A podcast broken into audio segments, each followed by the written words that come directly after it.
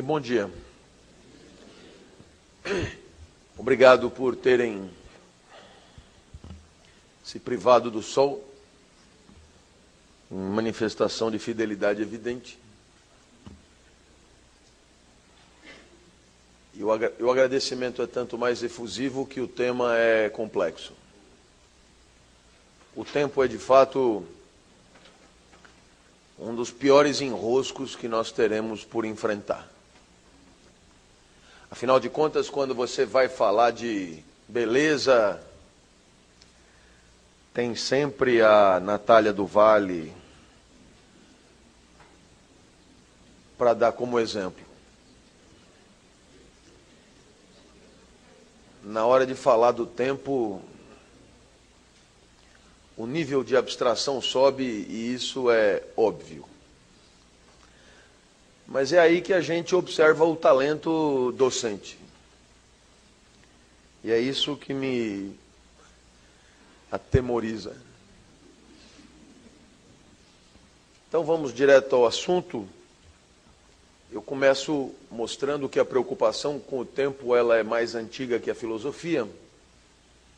E como temos feito, vamos é, mostrar que o tempo já é uma preocupação da mitologia, espécie de saber que, como sabem, antecedeu o pensamento filosófico.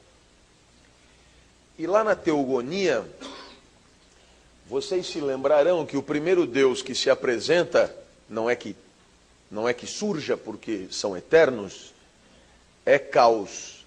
Caos é precipício, é queda. É, e não é queda que termine, causa é queda sem fim. Então, é claro, eu espero que perceba, nessa primeira geração de deuses, nenhum deles é representável por uma figura humana. A gente está acostumado a fazer essa representação que nos facilita muito. Mas caos não é possível. Caos é um precipício sem fim. E é sem luz, e é sem calor, e é úmido, viscoso, é medonho caos, né? Sim. É, a representação. Eu, eu devo lhes confessar que quando aquele avião da Air France caiu ali perto do Rio Grande do Norte, aquilo me impressionou muito, porque eu já fiz esse caminho muitas vezes. Né? E e eu fiquei. Agora já se sabe que isso levou 11 minutos para cair. É, e eu tenho a impressão que causa um pouco isso, viu? É, ainda mais no escuro. Só que o avião em algum momento caiu no mar. No caos isso não acontece. O segundo Deus que se apresenta é Gaia.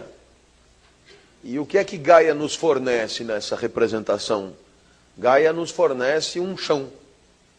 Então, se antes a gente só caía com Gaia, agora a gente se espatifa caindo. É, Gaia é o fim da queda propriamente. Né? Mas, de qualquer maneira, se tem esse aspecto negativo, o aspecto positivo de Gaia é que Gaia é um lugar onde podemos estar propriamente. Gaia é um lugar onde podemos nos apoiar, onde podemos pisar então, de certa forma, existe com Gaia é, uma preocupação de dar alguma estabilidade à existência, né? um lugar aonde pisar. Eu não sei se eu, eu vou insistir nisso toda vez eu falo, mas nunca é demais. Quando você estuda mitologia, não é para saber sobre os deuses que, obviamente, ou, ou, ou, ou supostamente nunca existiram desse jeito mas é para entender como é que as pessoas viajavam, é o imaginário das pessoas naquela época. Né? E, e é claro que é, para compensar um Deus em queda livre, nada melhor do que um chão. Então, me parece muito normal que Gaia tenha surgido depois do caos. Né? Porque Gaia, de certa forma, interrompe uma queda angustiante. Essa é a ideia. Bom, o terceiro deus que se apresenta é Tártaro, e Tártaro é os, são os grotões de Gaia. Alguns equiparam ao inferno, eu acho lamentável, porque quando você pensa em inferno, você pensa em fogo, em incêndio. E, o, e Tártaro é o contrário, é úmido, é viscoso, é lúgubre. É, eu acho que lembra muito mais caverna, esses caras que gostam de entrar em caverna, debaixo do mar, essas coisas e tal. É um pouco isso. E, e, a, e a descrição é clara, né? É, o mesmo tempo que um objeto leva para cair, é, é, da onde quer que ele esteja em Gaia, é o tempo que levará para chegar de Gaia a Tártaro. E não é para você calcular usando a equação de Torricelli quanto é. É para você imaginar que é longe Tártaro, é longe, é nos grotões de Gaia. Então eu não sei se você percebeu, mas esses três primeiros deuses eles não são propriamente é, é, felizes. Né? Por enquanto, esses três deuses revelam uma concepção da existência lúgubre. E é o quarto deus que vai começar a dar alguma graça à vida, que é Eros que é a energia vital, aquilo que permite a tudo que vive viver propriamente. Né? É a energia da planta, a energia do animal, é a energia do homem. Eros é propriamente aquilo que mantém as coisas vivas vivendo, aquilo que permite a que as coisas vivam, vivas possam viver. Bom, é, esses quatro são os primeiros deuses, e aí, logo em seguida, aparece o nosso amigo Urano. Né? Os romanos denominavam esse de Netuno. É, é, é muito interessante, né, porque existe uma, um certo paralelismo entre a mitologia grega né, e os, o, o, os deuses romanos. Mas, por enquanto, fiquemos com os gregos. É, e Urano, ele é, surge na mitologia como uma espécie de membrana que cobre Gaia. O verbo cobrir, ele é muito usado na veterinária é, para indicar o coito entre animais, o macho cobre a fêmea. Essa é mesmo a ideia aqui. É, Urano cobre Gaia e a furnica ininterruptamente. É, é, não sei se me entende. É, é uma cópula. É, e como os deuses são eternos, de certa maneira, é, tudo na divindade é eternidade, então, Urano não está muito disposto a sair dali. Ele parece confortável ali. E Gaia menos. É, Gaia ia, de certa forma, engravidando e dando à luz é, de Urano, mas não podia parir, porque não tinha para onde é, parir. Então, na verdade, Gaia paria para dentro, o que é um, um, um paradoxo e tudo que Gaia paria ficava dentro dela, nos seus grotões propriamente. E isso era muito desconfortável para Gaia e para quem Gaia paria. Até que um dos seus filhos resolveu dar a Gaia um descanso. Armou um esquema, e eu algum dia já me dispus a passar uma tarde falando sobre deuses, e é, já fiz isso com amigos, e fomos até as três da manhã é, eles bebendo é, cerveja e eu é, iogurte. E, e à medida que eu fui falando, eles foram entendendo cada vez melhor é, o meu relato. Impressionante. Eu fui melhorando a minha competência didática. É, no final estavam todos dormindo e eu diarreico. Mas é, é, é, e todos os exemplos têm nitidamente a ver com a vida, e, e, e o que aconteceu foi que, no final das contas, é, é, um, um, dos filhos decidiu capar Urano. Né? E conseguiu. Tem até um relato lindo que quem pega o pênis latejante e espumante de Urano e joga no mar, acaba fazendo com que esse esperma, junto com a água do mar, desse, dessa junção surja a Afrodite. Né? É muito interessante, é muito interessante. Porém, nós não temos tempo para isso. O que aconteceu quando caparam Urano? Urano hum, sentiu dor. E, e você deve imaginar para um sujeito é, copular com a Terra ele não devia ter. É, é, esse negócio de capa, você pode imaginar as proporções de tudo, né? Então, Urano sentiu o baque e ele levanta de cima de Gaia e levanta com tudo e vai parar aonde ele está. E aonde é que Urano está até hoje? No céu. Por isso, né? Urano é o céu. Né? E, você vai dizer, ah, professor, quer dizer que antes o céu não era no céu? Não. Né?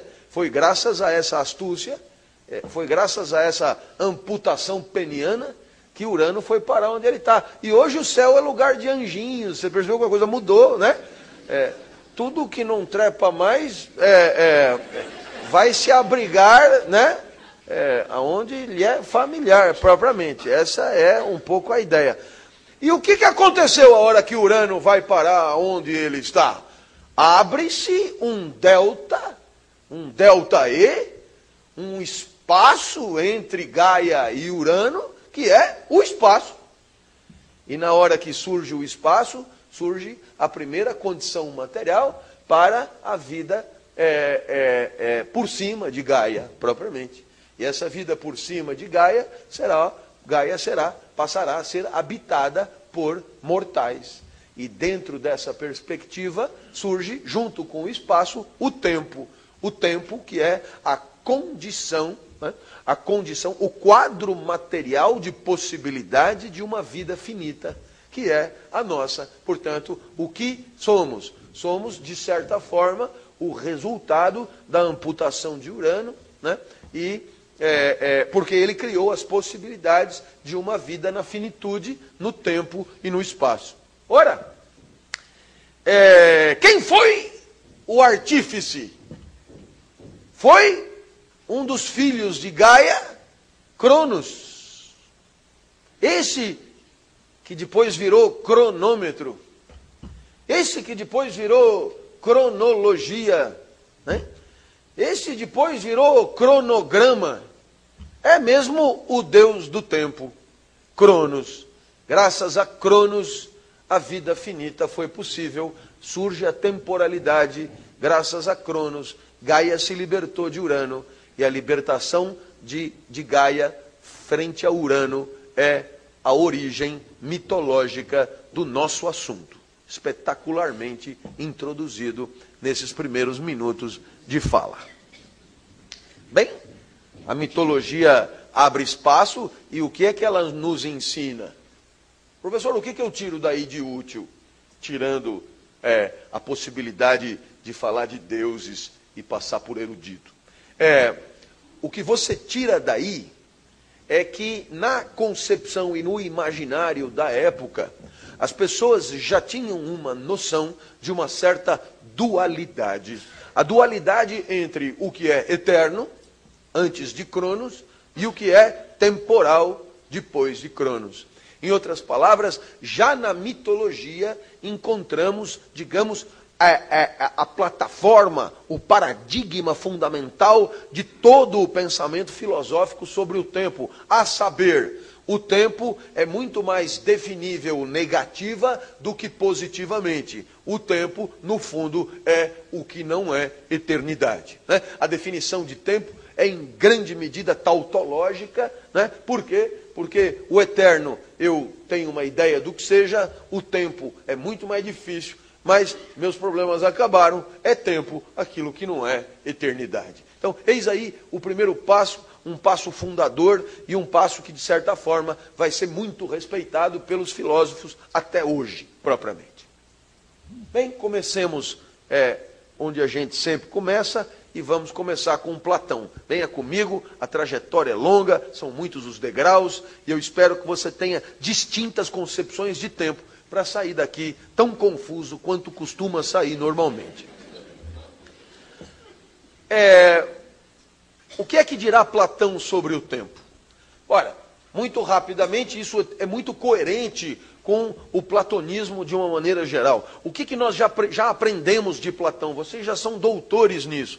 Platão é um dualista. Existem, portanto, dois mundos, num primeiro momento, o mundo das coisas sensíveis, que está dentro da caverna, que tem sombras, e essas sombras são transitórias, fugazes, ilusórias. E por quê? Porque dentro da caverna não há nenhum tipo de realidade, dado que a realidade é constituída por seres, e os seres não podem mudar para poderem continuar sendo, e dentro da caverna o que você tem é trânsito, é fugacidade, o ser deixa de ser, portanto não pode ser ser, então a caverna é um espaço de ilusões. E tudo que percebemos pelos sentidos é ilusório, nada tem a ver com a verdadeira realidade, porque a verdadeira realidade é acessível pelas ideias, é acessível pela razão. A verdadeira realidade, obviamente, está fora da caverna e essa eterna não muda nunca.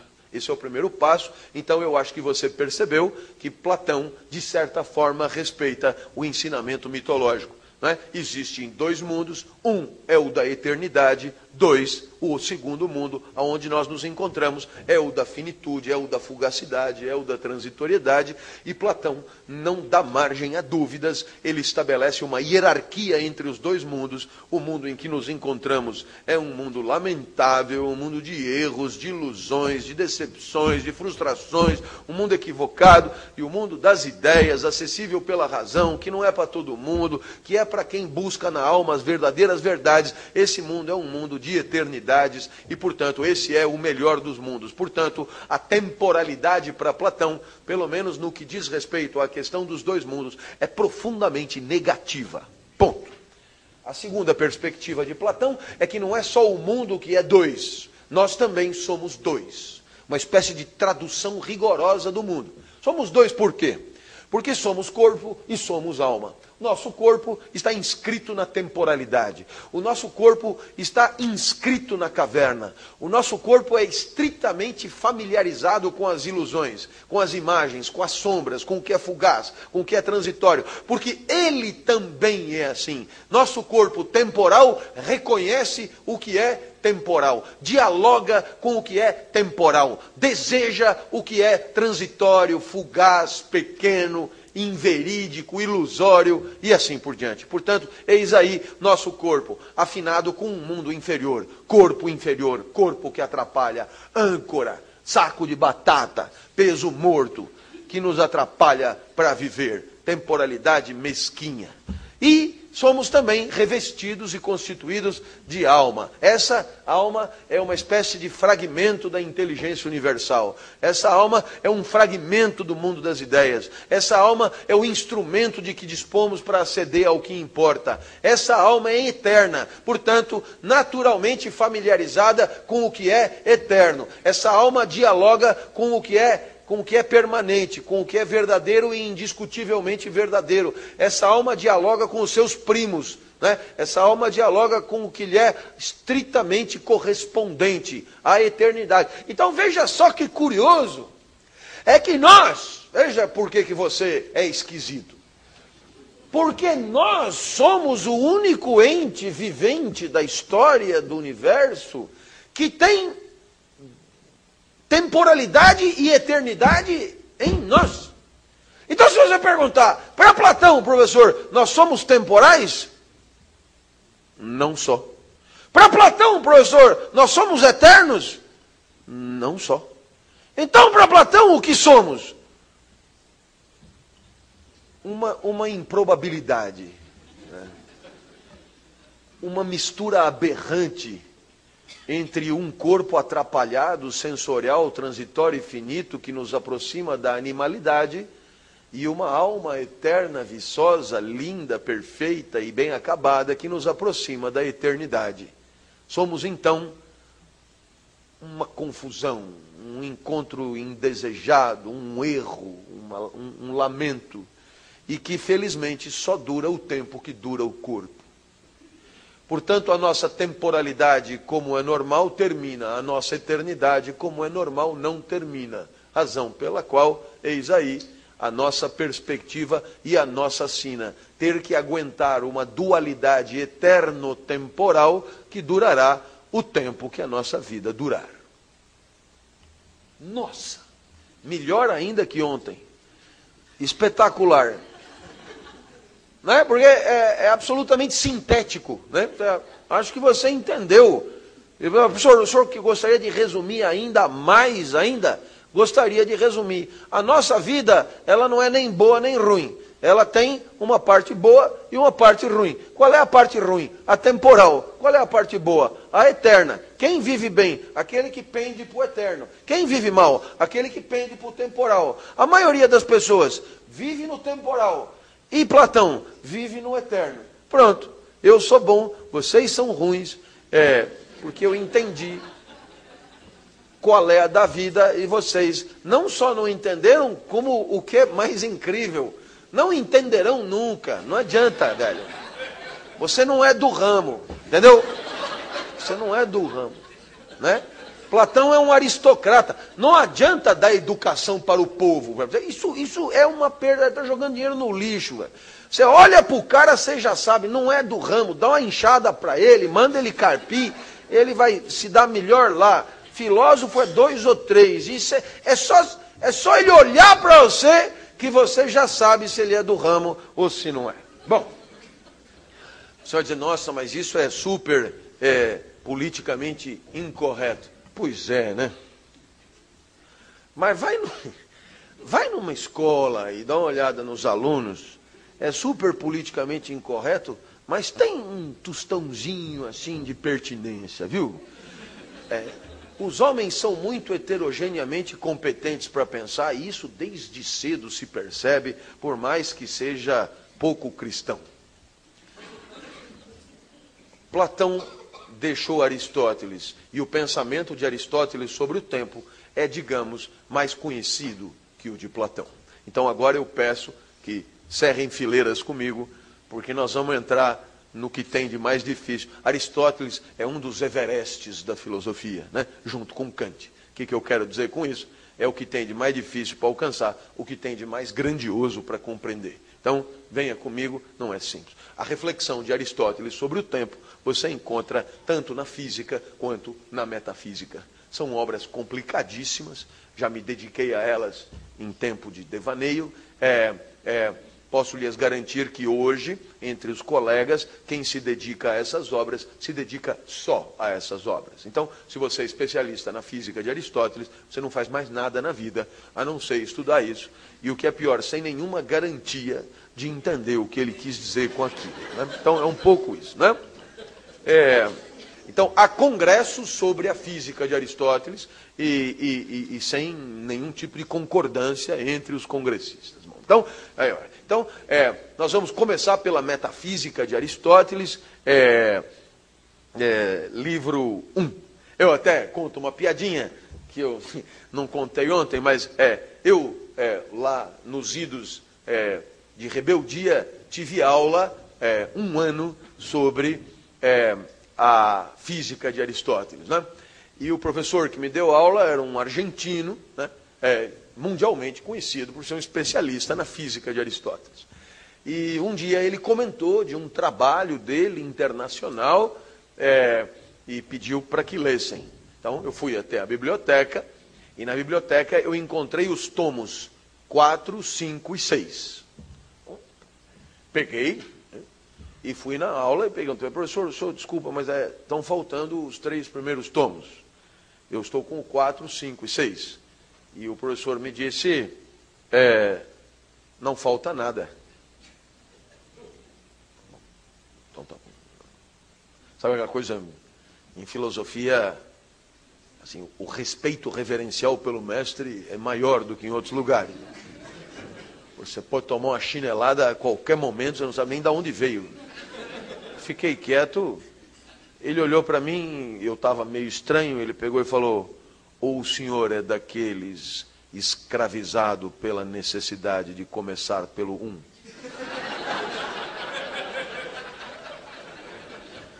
Então, eu não sei se você percebeu, mas assim, é, esse tipo de vida deixa sequelas graves. Eu falei, até hoje, mas agora já me libertei. Sua obra é emancipadora, professor. Muito obrigado. Né? Muito bem.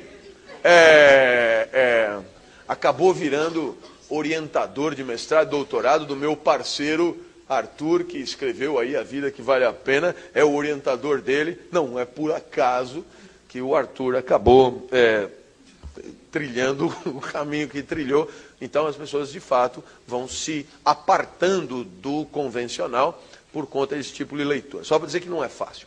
Na Metafísica de Aristóteles, livro 1, você tem uma reflexão absolutamente consagrada na história do pensamento. E qual é a reflexão? É, é, diz Aristóteles, é, existe um ser supremo.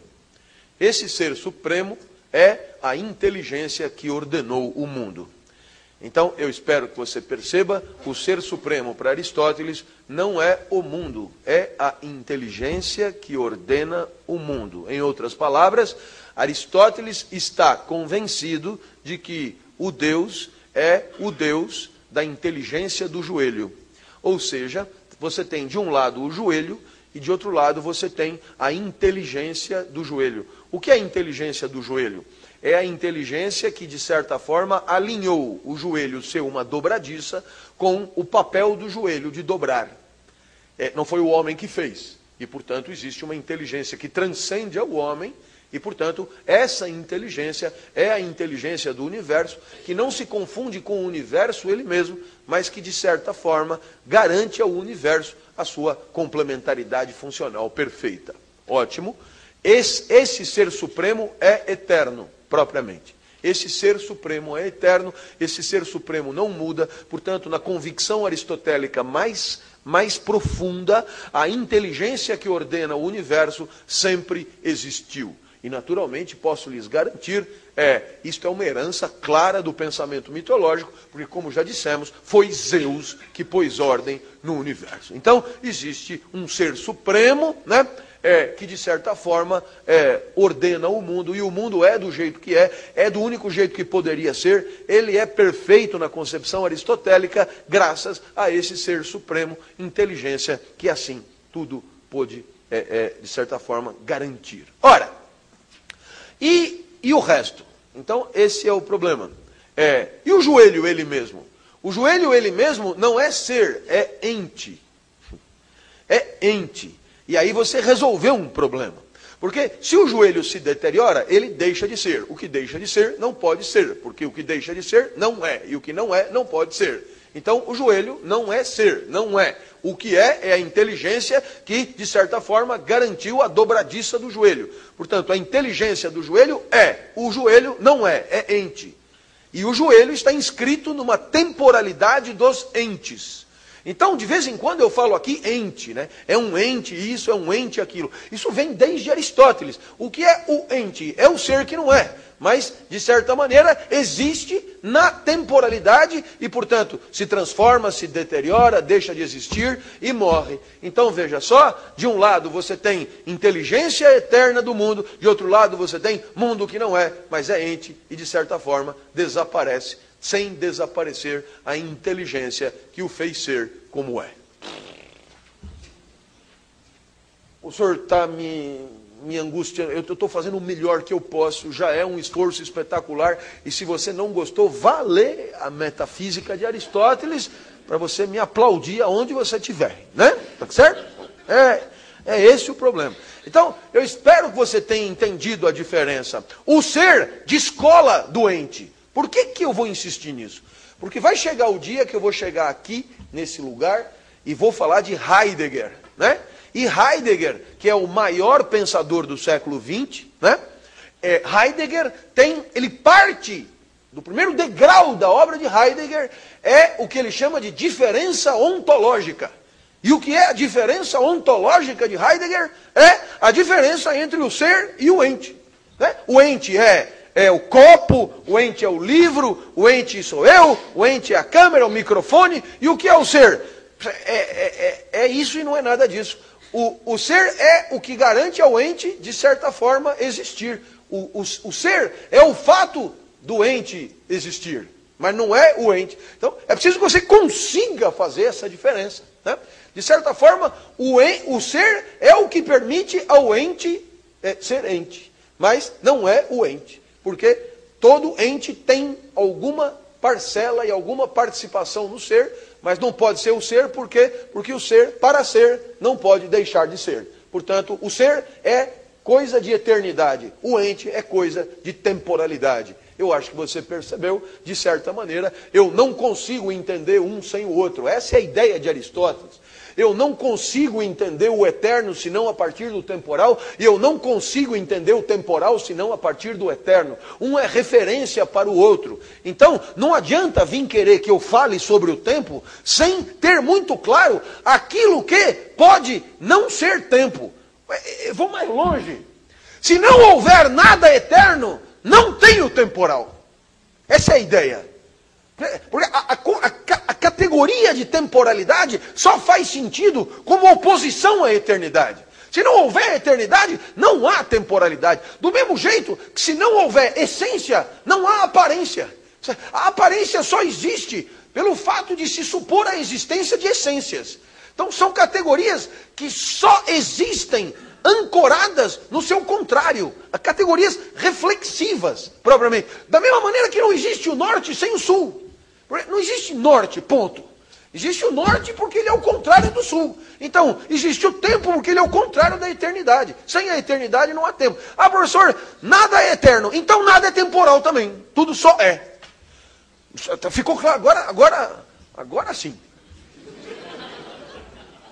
A partir daqui eu baixo a guarda então, bom, essa é a primeira reflexão da metafísica, magnífica, vai lá, livro 1, livro 1 da metafísica, pega bem pra caramba, pega um livro usado, não, não compra novo, que não, não pega bem, pega quanto mais velho melhor, páginas caindo ainda melhor, entendeu? Metafísica de Aristóteles, vá para uma praia tipo Guarapari, Búzios, etc.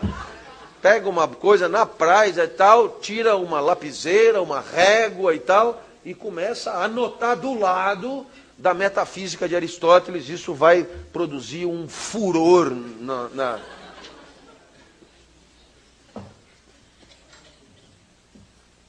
Outro dia saindo aqui, alguém me perguntou: o senhor faz todas essas coisas que o senhor sugere fazer? Evidentemente que não. Eu peço para você fazer primeiro como uma espécie de balão de ensaio. Se der certo, eu faço, mas é. Não sei. A segunda ideia é a da física, livro 4. E aqui é, Aristóteles chega no seu ponto mais difícil. É, é a constatação de que a reflexão sobre a temporalidade é uma reflexão aporética. Não se desespere, aporia, já falamos disso, quer dizer uma reflexão que não tem saída. Ou seja, batemos no muro e não tem como sair. Não tenho solução para o problema. Pensei, pensei, pensei e não cheguei a conclusão nenhuma. Né? Eu fiquei num beco sem saída, numa sinuca de bico, aporia.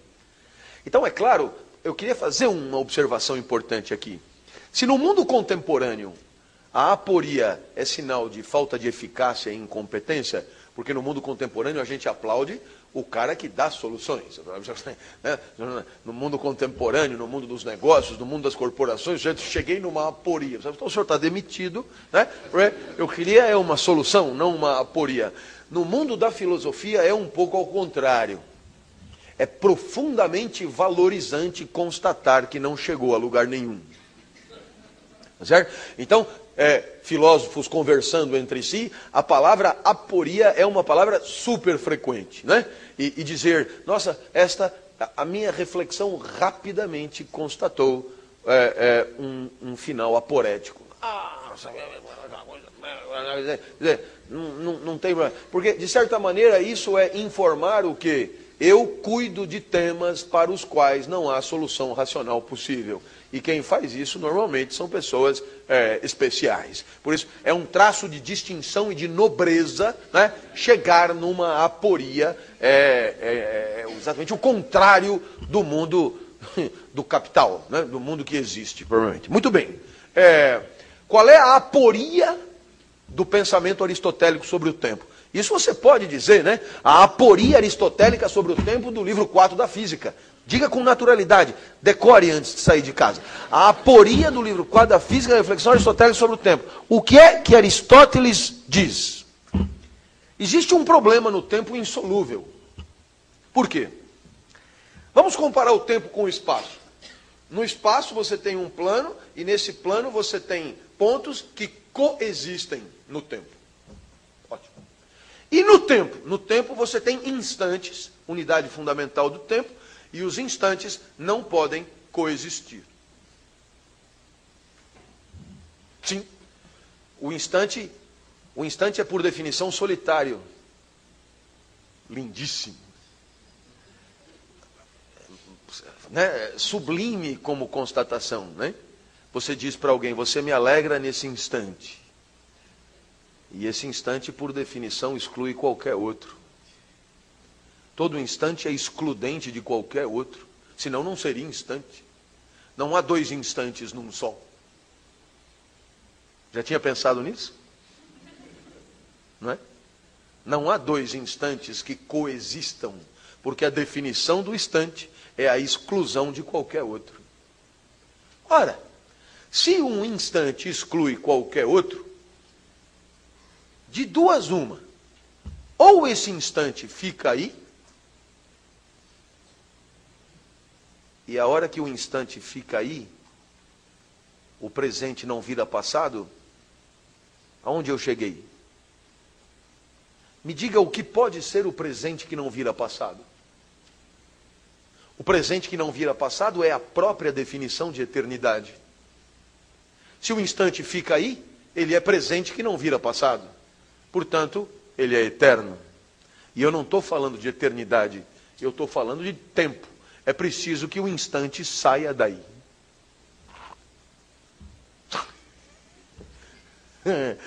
Não é fantástico, cara?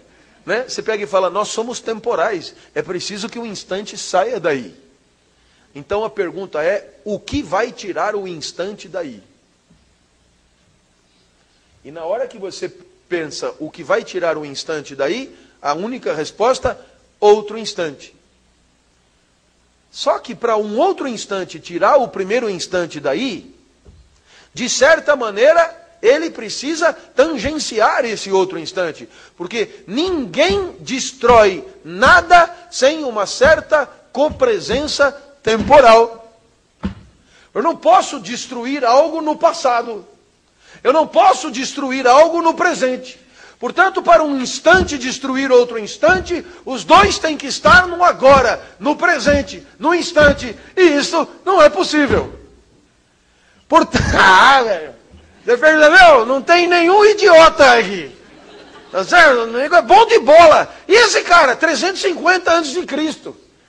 Você tem noção de como viviam essas pessoas? Tal? Não tem Macintosh, não tem nada, não tem consulta ao Google. É, é, é no meio do mato.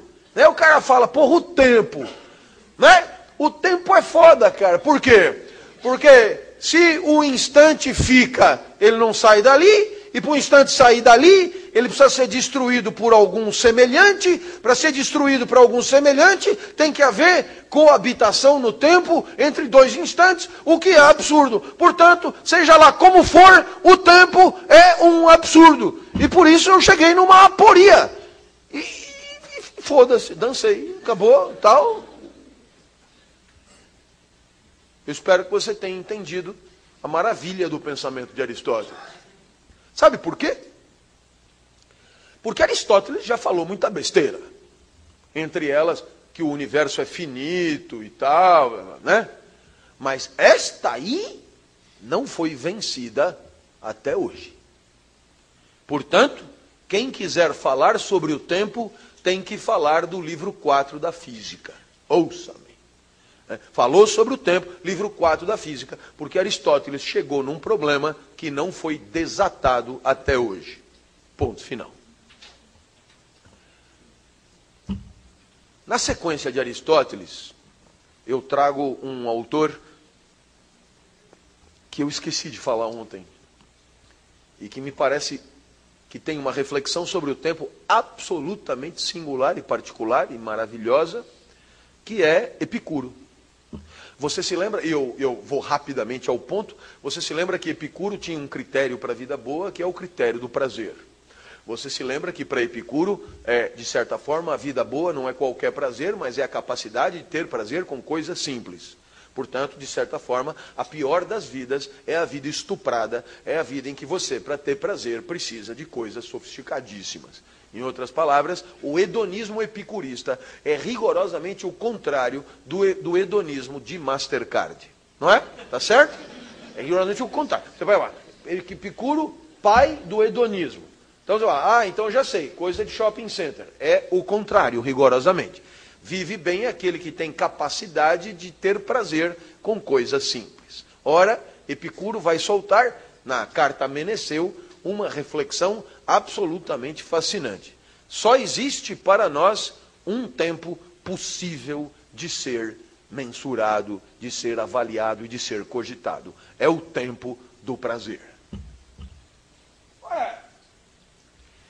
O que é que Epicuro está dizendo? Se existe no mundo alguma temporalidade, nunca poderemos saber nada sobre ela. Portanto, toda e qualquer temporalidade é o que hoje nós chamaríamos de subjetiva. Em outras palavras, toda e qualquer temporalidade é uma sensação, é uma percepção. E é claro, como para Epicuro a sensação maior é a sensação do prazer, para Epicuro toda perspectiva de percepção temporal ela se estrutura no binômio prazer e dor. Paro por aí para você refletir. Afinal de contas, eu acho que você já percebeu que existem tempos duros de passar. E existem tempos que passam sem você se dar conta, tempos que você lamenta que não passem, tempos que você lamenta que passem rápido demais, e isso parece mesmo ter a ver com o prazer. Beleza? Não é? Eu falo aqui durante duas, três horas. Há aqueles que terminam e lamentam o fim, há aqueles que lamentam o demorar do fim, e tudo tem a ver com o prazer super heterogêneo que cada um de vocês tem com o meu discurso. Nada mais a dizer, reflexão importantíssima, maravilhosa, carta sobre a felicidade, carta a Meneceu, Epicuro, à disposição das melhores livrarias é, é, do ramo. Muito bem, é, dentro dessa perspectiva é, de avanço clássica que a gente costuma fazer, eu vou é, imediatamente passar para é, Agostinho. E aqui eu faço uma advertência. Agostinho é o mais importante pensador sobre o tempo da história do pensamento filosófico. Portanto, não tem como falar do tempo sem falar de Agostinho. Não, você vai dizer, tanto quanto a física de Aristóteles, eu diria que mais do que a física de Aristóteles. E aonde é que está a reflexão sobre o tempo em Agostinho? No livro 11 das Confissões. Então, isso aí é, é mais conhecido que andar para frente. Tempo em Agostinho, livro 11 das Confissões.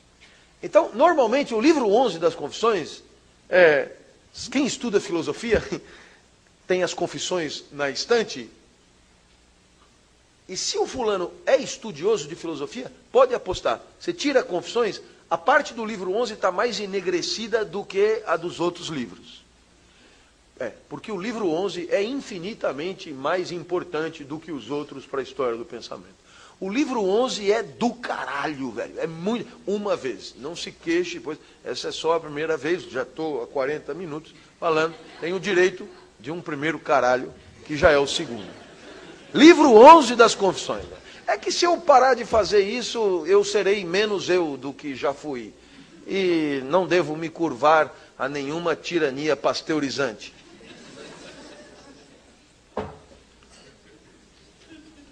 Ora, o que diz Agostinho?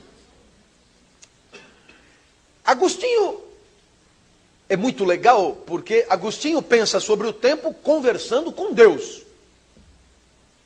E ele vira para Deus e diz: Meu, por que, que não saio do lugar, cara? Né? É, é, é, muito interessante porque é, há uma certa indignação. Por que, que você sabe tudo e eu não sei nada?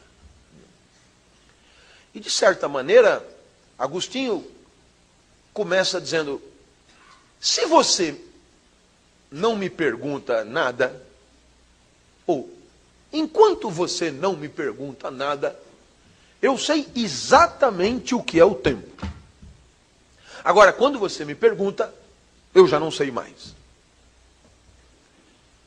Bom, essa frase, que você encontra em para-choque de caminhão, essa frase é uma espécie de marco fundador na filosofia de um conceito que nunca mais vai sair da pauta, embora Agostinho não tenha batizado o conceito, mas botou ali a ideia, que é a do pensamento intuitivo. É, é, ninguém definiu melhor a intuição do que Agostinho aí. Eu sei, mas não sei dizer. Eu sei, mas não sei transformar em discurso. Eu sei, porque intuo, mas não me pergunte do que se trata. Depois que eu li isso, nunca mais me dei mal em prova oral.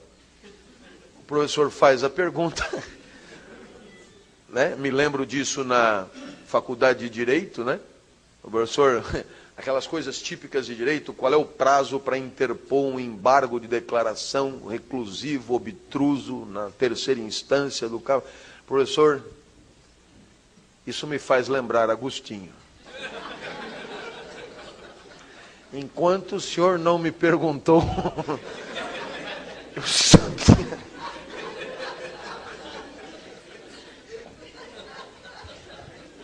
E como o senhor está me perguntando um prazo, isso me fez lembrar ainda mais Agostinho, porque é uma questão de tempo. Afinal de contas, o que é o prazo se não o próprio tempo? E é por isso que eu não posso saber, se nem Agostinho soube. É zero, mas é zero fino, velho. Tem zero idiota. E tem zero em alto nível, né? A segunda perspectiva do pensamento agustiniano é inesquecível. Agostinho vira para Deus e diz: Eu já sei por que, que eu não sei nada sobre o tempo. E isso já é um passo espetacular. Ou, em outras palavras, por que Aristóteles chegou na aporia que chegou? Por que, que nunca ninguém deu uma solução sobre o assunto? É porque não pode dar. E por que não pode dar? Porque nós estamos imersos na temporalidade. E ninguém pode falar sobre nada estando dentro dela. É como um ponteiro de um relógio vê as horas do relógio. É impossível.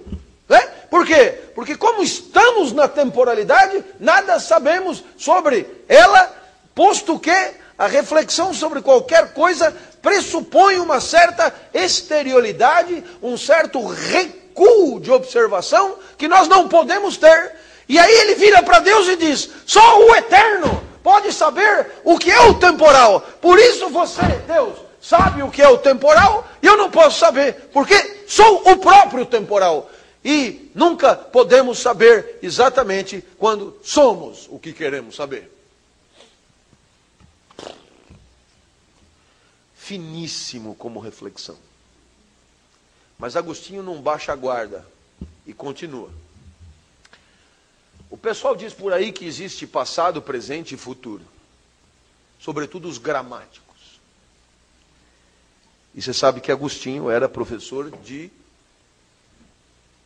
É o que a gente chamaria hoje de linguística e literatura. Lá onde ele nasceu, na Argélia, antes do momento em que ele quis virar santo e largou a família para ir para Roma. Estranha santidade. Mas o pensamento é magnífico. Passado, presente e futuro. Só que o passado não é, nada é no passado, o passado não tem existência material, o passado não é nada, o passado não existe, o passado não é.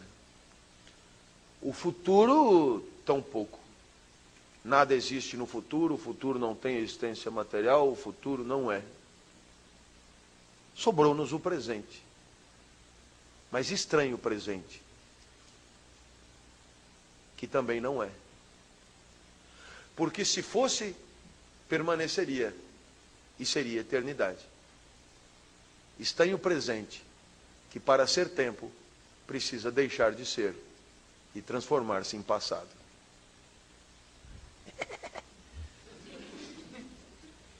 Eu fico fascinado.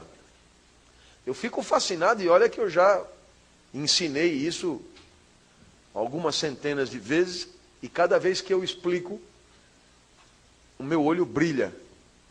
Porque perceba, para que o ser seja, não pode deixar de ser. Se o presente é, tem que continuar presente. Se for presente que continua presente, é o instante que não sai dali, é a eternidade. Portanto, para que o presente possa ser tempo, ele precisa não ser. Ou deixar de ser. Virar passado. Portanto, estamos na mão de um presente que não é. Porque está na sua índole temporal tornar-se passado.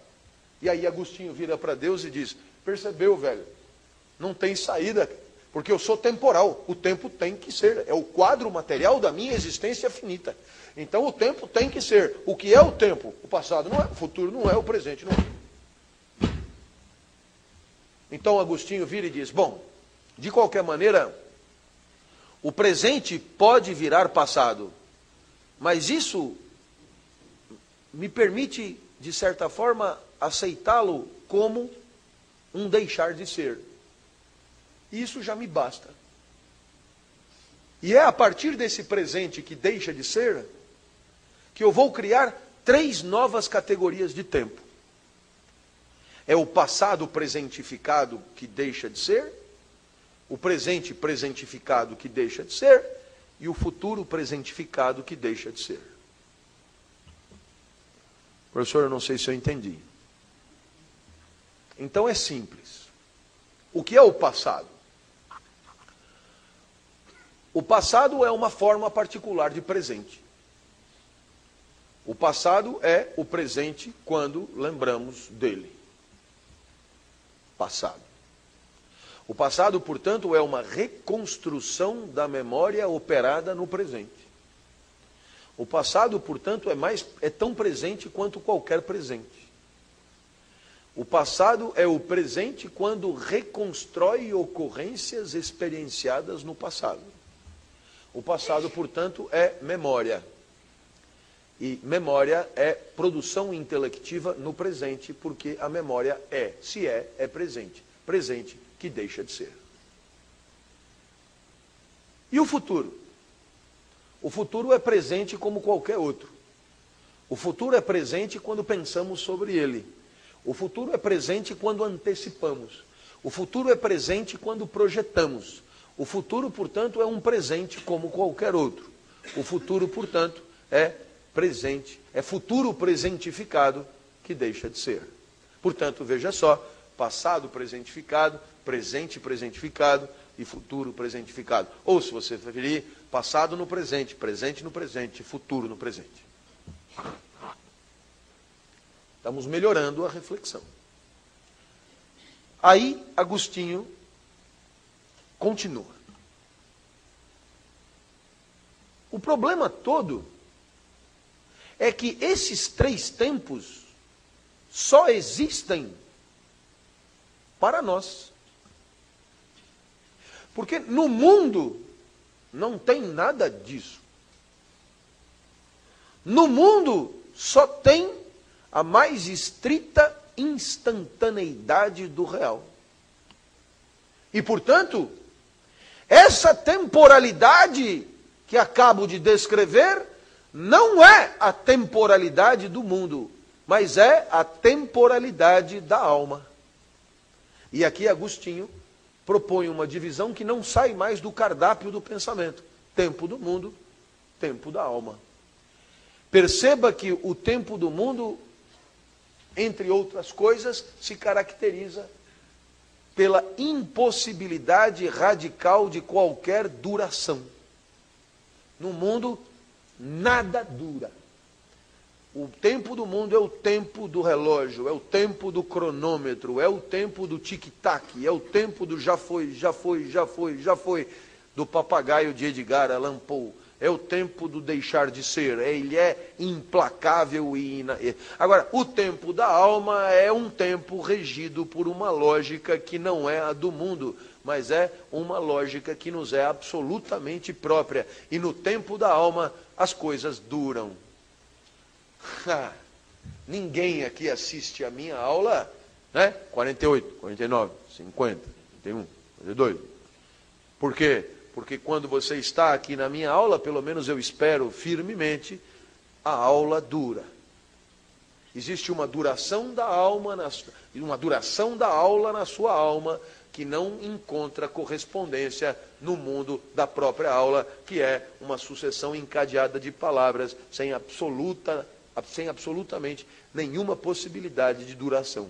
Então eu acho que você percebeu que existe uma fronteira radical entre duas temporalidades, a temporalidade inexorável do mundo, do devir, e a, de, a temporalidade da alma, que é uma temporalidade absolutamente cheia de avanços, recuos, acelerações, é, é, é, retardamentos, durações e assim por diante. Portanto, nós temos a condição de controlar a chave do tempo segundo uma lógica que é muito mais nossa do que do mundo. E aqui, o pensamento de Agostinho encontra, digamos, é, é, pelo menos nas suas ideias centrais, o seu fim. O pensamento de Agostinho normalmente costuma ser apresentado em sequência ao de Pascal. E um pouco, um pouco isso se deve ao fato de serem dois pensadores cristãos, assumidamente cristãos. Entre os dois você tem 1200 anos. Pascal é um homem de 1600, é um matemático que escreveu um livro chamado Pensamentos. E lá no parágrafo 148 ele fala sobre o tempo. Você percebe que uma aula como essa, para quem se interessa sobre a temática, é profundamente facilitadora. Porque, não é não? Já imaginou se tivesse que ir atrás, velho? Não, é meio chato. Eu não sei se o Google.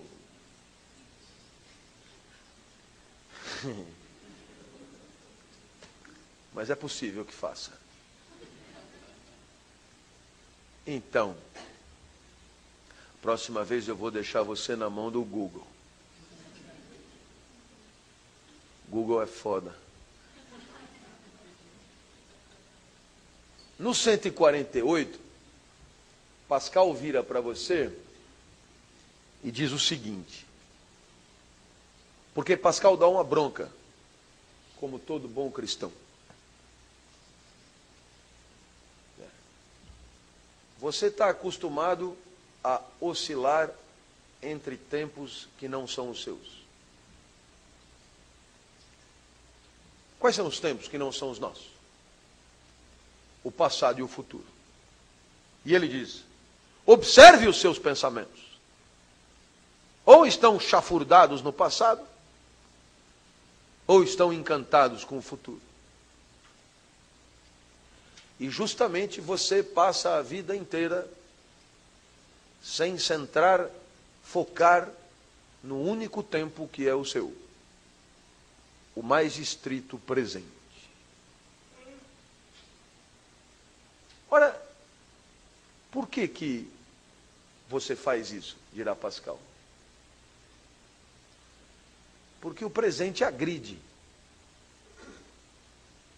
E é exatamente porque você sabe que o presente agride que você foge dele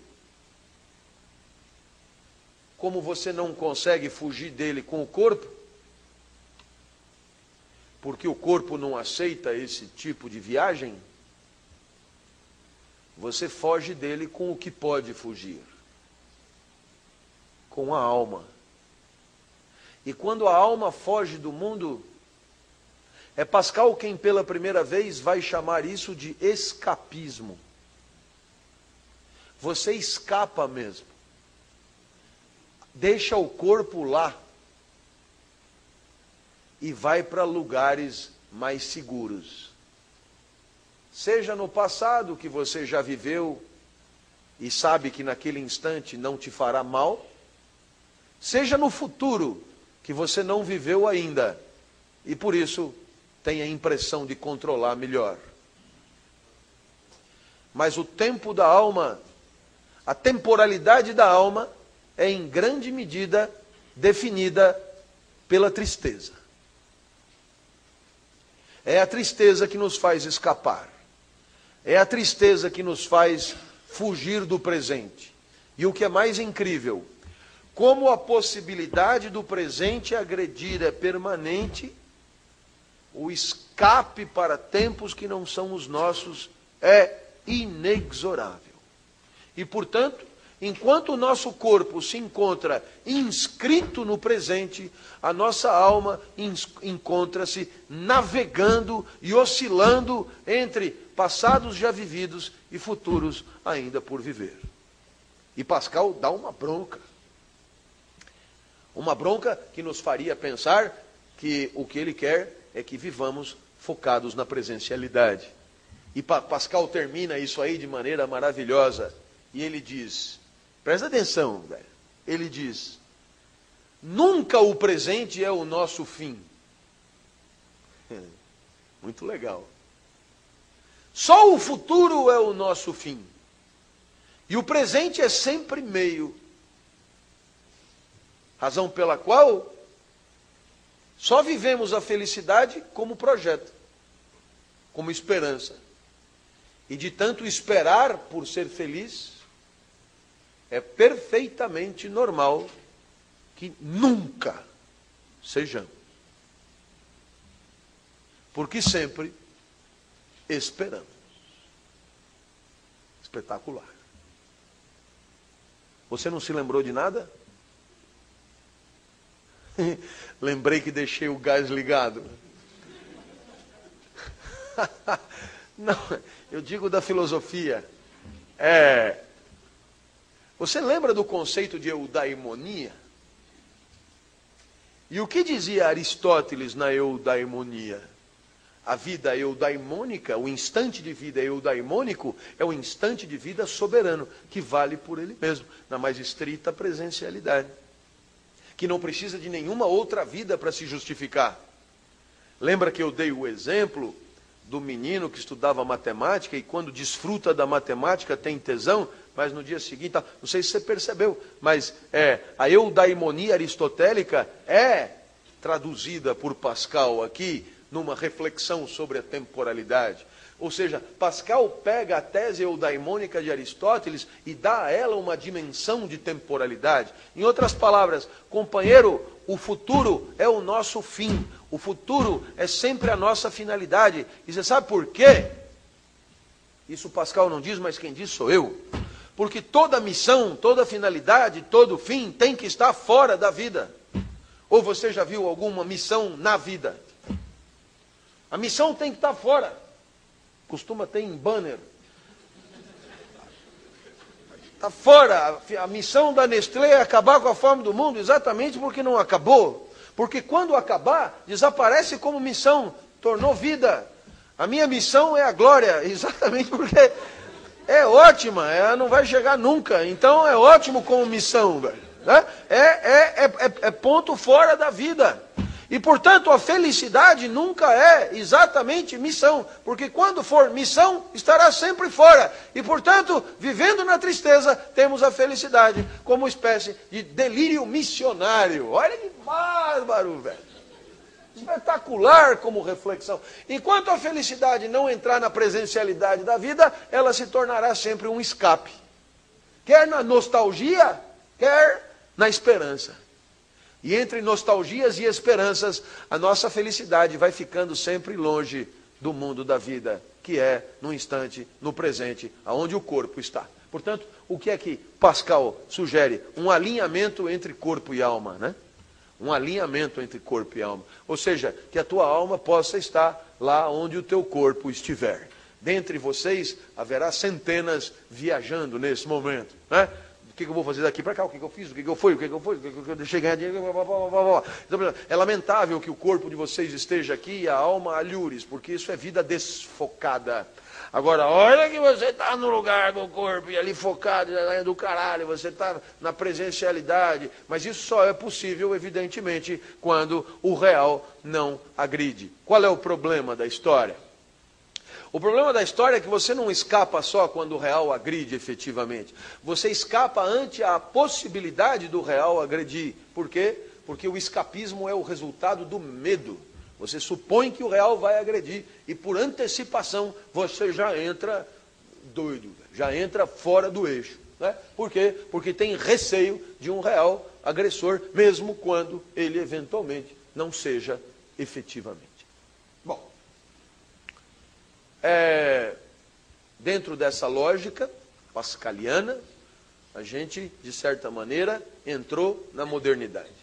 E eu gostaria de entrar nessa modernidade com você, tratando de uma reflexão sobre o tempo bastante atrativa, que é a de Berkeley. Você se lembra de Berkeley?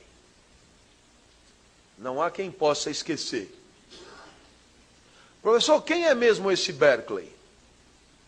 Esse Berkeley é aquele cara que achava que o mundo não existia. Né? Eu sempre explico assim: no senso comum dos despreparados, achamos que tem duas coisas diferentes: o mundo e o que eu percebo do mundo. E esses despreparados, que nunca entenderam nada, acham que o que você percebe do mundo é um pedaço pequeno do mundo. Veja só.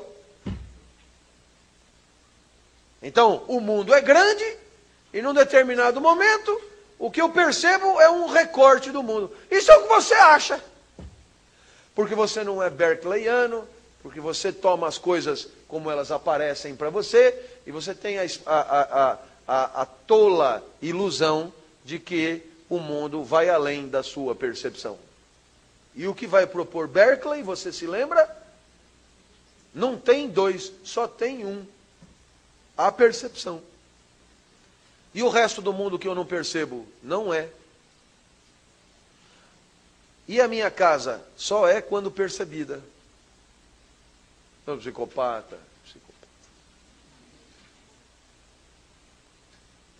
Mas é claro que Berkeley tem seus argumentos. Toda a minha percepção do mundo se dá em mim razão pela qual eu posso perfeitamente acreditar que o mundo esteja em mim. A visão eu vejo em mim, não em você. Né? Quando eu vejo você, eu não vejo você em você, eu vejo você em mim. Eu não sabia disso. Devia saber, porque você estudou Berkeley no ensino médio, quando Berkeley contou para você que ele era físico, especializado em ótica, que o que você vê não é o mundo, mas a luz que bate no seu olho e que reflete o mundo. Portanto, o meu olho não sai de mim para ir até você. É a luz que traz você até mim. Mas não é que traga você até mim. Então eu acho que você percebeu que, de certa maneira, o paladar sou eu que fabrico, o vinho não tem gosto. O cheiro sou eu que fabrico, o mundo não tem cheiro. A audição sou eu que crio o som porque o mundo é silencioso, basta furar o, o tímpano, você vê, você não ouve nada. É você que vibra, é você que fabrica o som e, portanto, de certa maneira, todas as tuas percepções são você.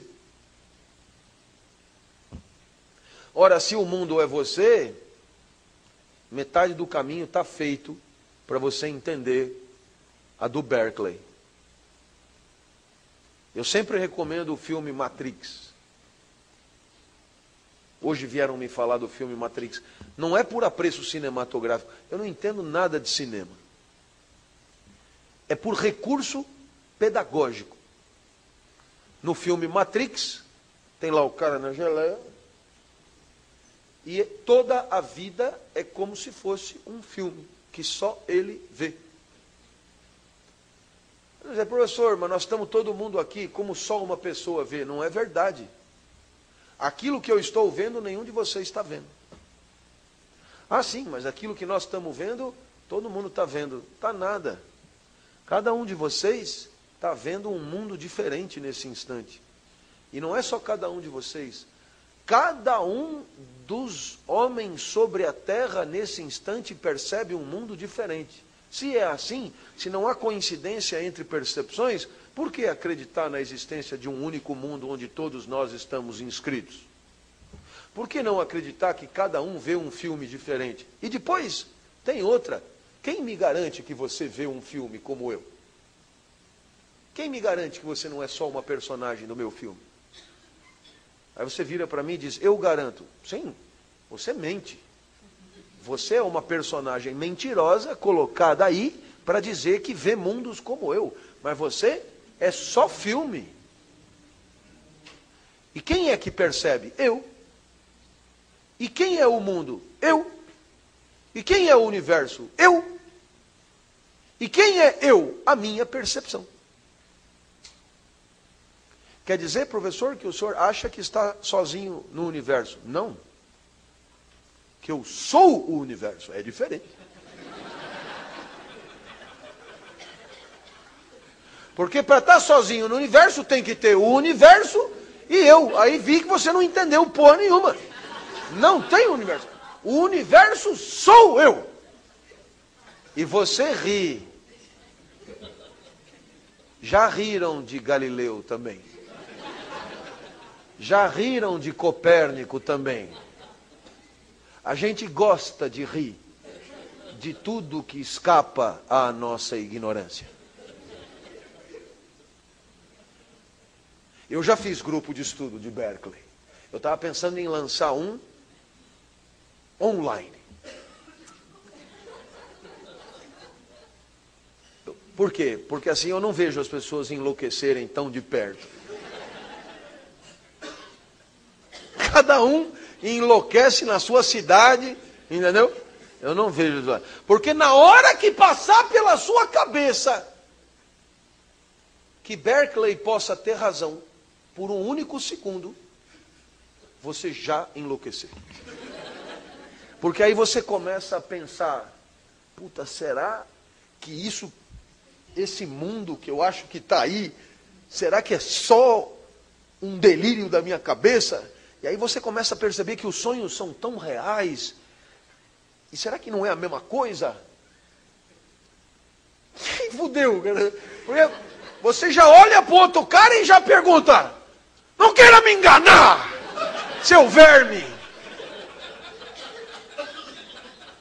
Hein? Você sabe, você sabe quem é um leitor de Berkeley desesperado? O matemático John Nash.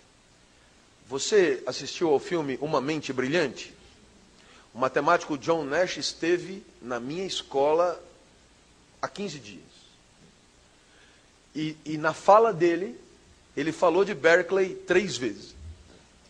Né? E você, se olhar, se assistir a Mente Brilhante, vai entender por que, que eu estou falando. Né? Prêmio Nobel, teoria dos jogos e tal coisa e tal. Bom, e o tempo para Berkeley? Claro que não tem tempo do mundo, porque não tem mundo. Portanto, a dualidade de temporalidade agustiniana cai por terra em Berkeley. E só há um tempo, o tempo das percepções. E você virá, dirá, professor Clovis, mas essas percepções que se apresentam ao meu espírito, não sou eu que as fabrico? Claro que não. Você é só um ser percipiente. O mundo é um ser percebido por você. E quem é o diretor do filme?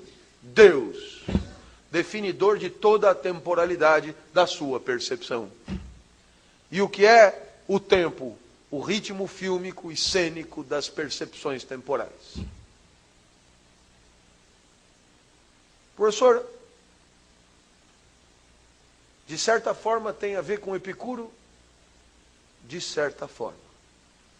Porque nos dois casos, ouça-me, nos dois casos o tempo é estritamente subjetivo. Eu estou falando isso entre aspas, porque é claro que a noção de sujeito é uma noção moderna e Epicuro jamais falaria em sujeito. Mas só para você entender. Os dois casos, o tempo é estritamente subjetivo. Mas existe uma diferença. Para Epicuro, o tempo é uma questão de corpo. Para Berkeley, o tempo é uma questão de alma. Para Epicuro, o tempo é uma questão de sensação temporal, prazer. Para Berkeley, o tempo é uma questão de percepção da alma. Portanto, percebeu? Nos dois casos, quem define o tempo sou eu. Só que no primeiro caso, o eu que define o tempo é o corpo.